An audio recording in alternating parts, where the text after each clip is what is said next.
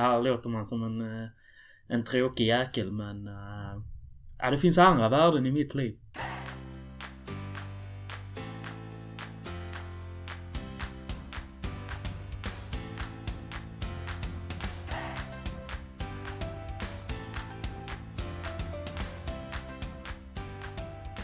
Hej och välkomna till Newspodden. Tobias Karlsson heter jag och med mig har jag Adam Jönsson, sportreporter slash sportredaktör på News. Stämmer. Och Emma Bratt, vår fantastiska praktikant här som har varit med oss i drygt två månader är det va? Ja, det är väl något sånt. Börjar lida mot sitt slut här nu. Newspodden alltså. Här är tanken att vi ska snacka lite om eh, de senaste eller vad ska vi kalla det, de hetaste snackisarna i Jönköping. Eh, och vi ska egentligen, egentligen grotta ner oss lite i sånt som händer i city här och även på sportsidan och då är det väl framförallt HV71 vi kommer att inrikta oss på.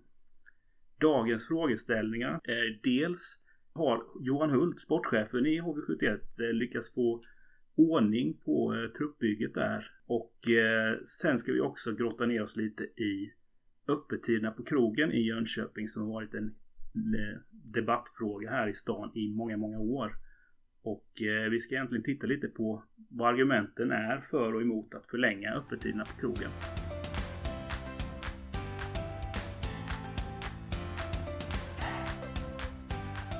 Men vi börjar väl med HV och eh, vad säger du om eh, status i truppen just nu Adam? Det slår ju inga gnistor om HV71 än.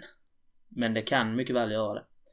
Eh, det har ju varit många tapp nu, senast Lawrence Pilot, David Ullström och Pierre Engvall till NHL.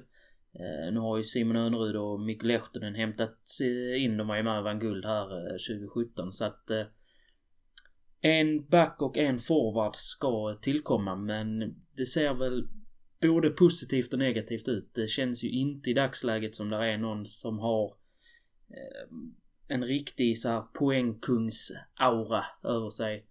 Eh, Önerud tror jag kommer göra sina poäng och det finns några bakom honom som definitivt kommer göra en del poäng också men Ja, jag skulle vilja ha in en riktigt vass poängspelare till för att eh, det verkligen skulle andas eh, guldambitioner om det här laget tror jag. Nej, förra säsongen blev ju en besvikelse får man ju säga efter eh, guldet där förra året. Eh, och eh, vad kan fansen förvänta sig till nästa säsong nu som truppen ser ut i nuläget? I nuläget så ligger ju truppen på 13 forwards och 7 backar där. Ehm, så de här 20 spelarna är definitivt 20 spelare som kan ta HV till en topp 6 eh, plats, vilket innebär eh, direkt eh, kvalificering till kvartsfinal då.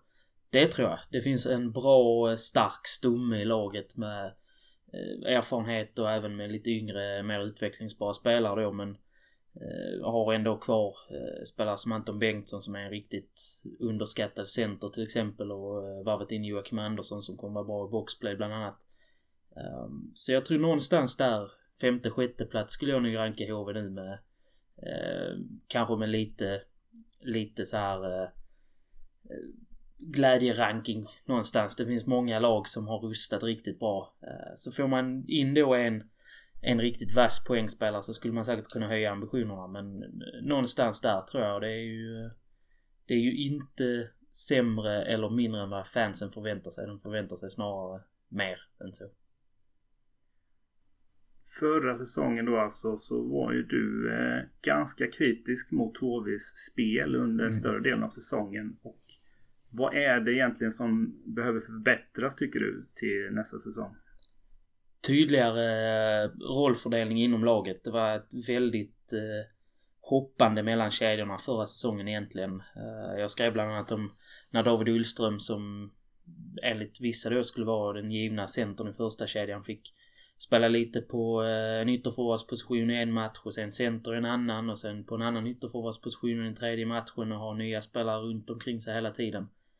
Det som HV var så skickliga på i slutspelet när de vann, det var ju att de hittade liksom ett ett gäng kedjor som hela tiden funkar tillsammans egentligen. Eh, förutom när det blev skador och sådär man måste förändra ibland. Men, eh, men som den här Bumbibjörn-kedjan till exempel med Elias Andersson, Mattias Tedenby där som, och Filip Sandberg som, eh, som blev riktigt framgångsrik. Så tydligare rollfördelning det, och liksom försöka sätta den här optimala eh, kedjeformationen eller den här optimala line-upen som inte riktigt fanns den gångna säsongen. Det, det fanns för lite kontinuitet helt enkelt. När vi spelar in det här avsnittet så är det alltså den 24 maj. Så vi vet ju inte om det kommer några nyförvärv som kommer offentliggöras innan avsnittet släpps här. Men är det någonting som är på gång som du känner till? Det pratas ju en del om André Pettersson då, den gamla guldhjälten, även om han kanske inte var jätteframträdande just under det guldåret, så vitt jag förstår. Men eh, han har ju spelat KHL nu ett, ett antal år och varit eh, en vass forward där. Eh, många vill ha in honom, han har inget kontrakt, men det lär ju inte saknas anbud vare sig i KHL eller Schweiz eller sådär för, för Pettersson. Så att eh, det är väl den spelaren som fansen hoppas på nu och som det har surrats lite om. Det har ju även pratats om Malmös Robin Alvarez, men det ska vara avskrivet och även backen Matt Donovan från Frölunda som också ska vara avskriven. Vi vet ju sedan tidigare att eh, HV har förmågan att överraska med nyförvärv på ett sätt som, eh, som till exempel J Söder inte har där det ofta läcker ut då. Ehm, HV har varit mycket, mycket bättre på att hålla det hemligt så att eh, det skulle inte förvåna mig om det blir André Pettersson. Jag håller honom som mest trolig och på andra plats också tror jag. Men sen skulle det Ja, det kan nog komma en och annan bomb. Emma, du är ju från Göteborg. Betyder det att du eh, håller på det här indianlaget Frölunda eller är det HV som gäller för din del sen du flyttade till Jönköping nu? Nej, men det är fortfarande indianlaget. Jag känner att HV har inte riktigt tagit plats där i hjärtat än och frågan är om de någonsin kommer göra det. Så jag känner nej, Frölunda, Frölunda hänger kvar. Och Adam, du är från Skåne och du håller väl egentligen på Rögle, eller hur är det? Jag, jag har inget favoritlag i, i SHL. Det är så? Så är det. Jag eh, växte upp med eh, Landskrona Lejonet eh, och även lite med Färjestad då på grund av eh, att det fanns lite kopplingar de två lagen emellan med olika tränare och sådär men Nej, annars skulle jag väl påstå att Toronto Maple Leafs är mitt lag. Mm. I NHL då. Innan vi lämnar HV-snacket så kan vi väl berätta lite om den ny satsningen ska säga, som vi har lanserat på sajten här på JKPG News. Som mm. vi kallar just för HV-snack då. Kan du dra lite om vad det handlar om Adam? I grund och botten så vill vi att eh, våra läsare, speciellt de HV-intresserade men även alla som är sportintresserade eh, och det är många som är det, att det ska finnas ett enkelt flöde där man får alla HV-nyheter, även om det är lite mindre snackisar från en träning eller något roligt som har hänt på sociala medier till Eh, analyser, intervjuer, längre eh, krönikor och så vidare. Det ska finnas i ett flöde med länkar till de olika artiklarna. Eh, och det är egentligen det som HV-snack är och man hittar ju det ofta högst upp på sajten nu då. Så att det är bara att gå in där, se vad det är som har hänt under en dag och ja, bara förkovra sig allt som handlar om stadens stolthet. De blå tjurarna i mm. Kinnarps. Och om man har några tips och lämna, vad, vad gör man då? Ja, då kan man antingen tipsa till press.jkpgnews.se eller till adam.jonsson med två s eh, jkpgnews.se. Man kan också eh, twittra eller facebooka eller ja, ringa, smsa. Det finns många olika sätt. Faxa? Nej, Fa faxa går inte. Tyvärr. Har vi någon fax? Jag tror inte det. Ja, vi får kolla med cheferna sen men ja, undvik faxen helst. Och högt upp på sajten så hittar ni också några andra nyheter nu. Och det är dels eh, Larmcentralen som vi kallar det då. Där vi samlar alla blåljusnyheter. Och vi kommer även ha vår vanliga blåljusbevakning vid sidan av det då. Men det här är lite för att underlätta för er läsare så att ni har ett bra koll på flödet snabbt och kan gå in och kolla vad det är som har hänt. Eh, och dessutom så har vi sedan en liten tid tillbaka det vi kallar Cityspanaren som är ett liknande koncept då. Där vi samlar allt eh, nytt som händer i centrala Jönköping egentligen. Och det kan vara butiker som startar eller lägger ner eller nya satsningar i, i, i city här. Och där tar vi ju gärna emot tips från er läsare också, eller lyssnare i det här fallet. Um, och eh, det är bara att höra av sig till press.jkpgnews.se är det lättaste. Om ni ser någonting nytt på stan som ni tycker borde uppmärksammas så är det bara att skicka iväg ett mail där.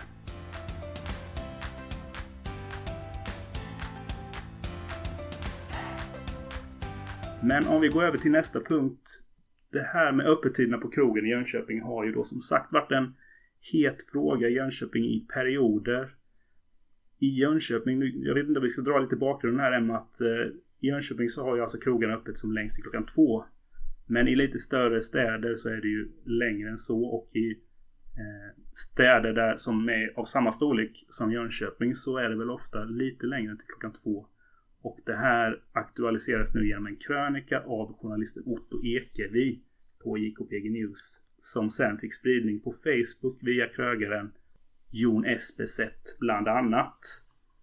Och eh, vad, är, vad är egentligen argumenten för och emot att eh, förlänga öppettiderna, Emma?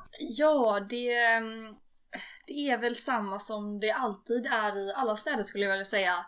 Emot brukar vara att det skulle bli mer slagsmål på stan, våld, fylla, masskaos när alla ska välla ut. Sen också att man behöver ta in andra resurser i form av mer poliser. Bussarna behöver gå längre och också såklart att eh, ja men krogarna som är öppet längre behöver ju ha kvar sin personal längre och därmed blir det ju ja, ökade löner etc. de timmarna.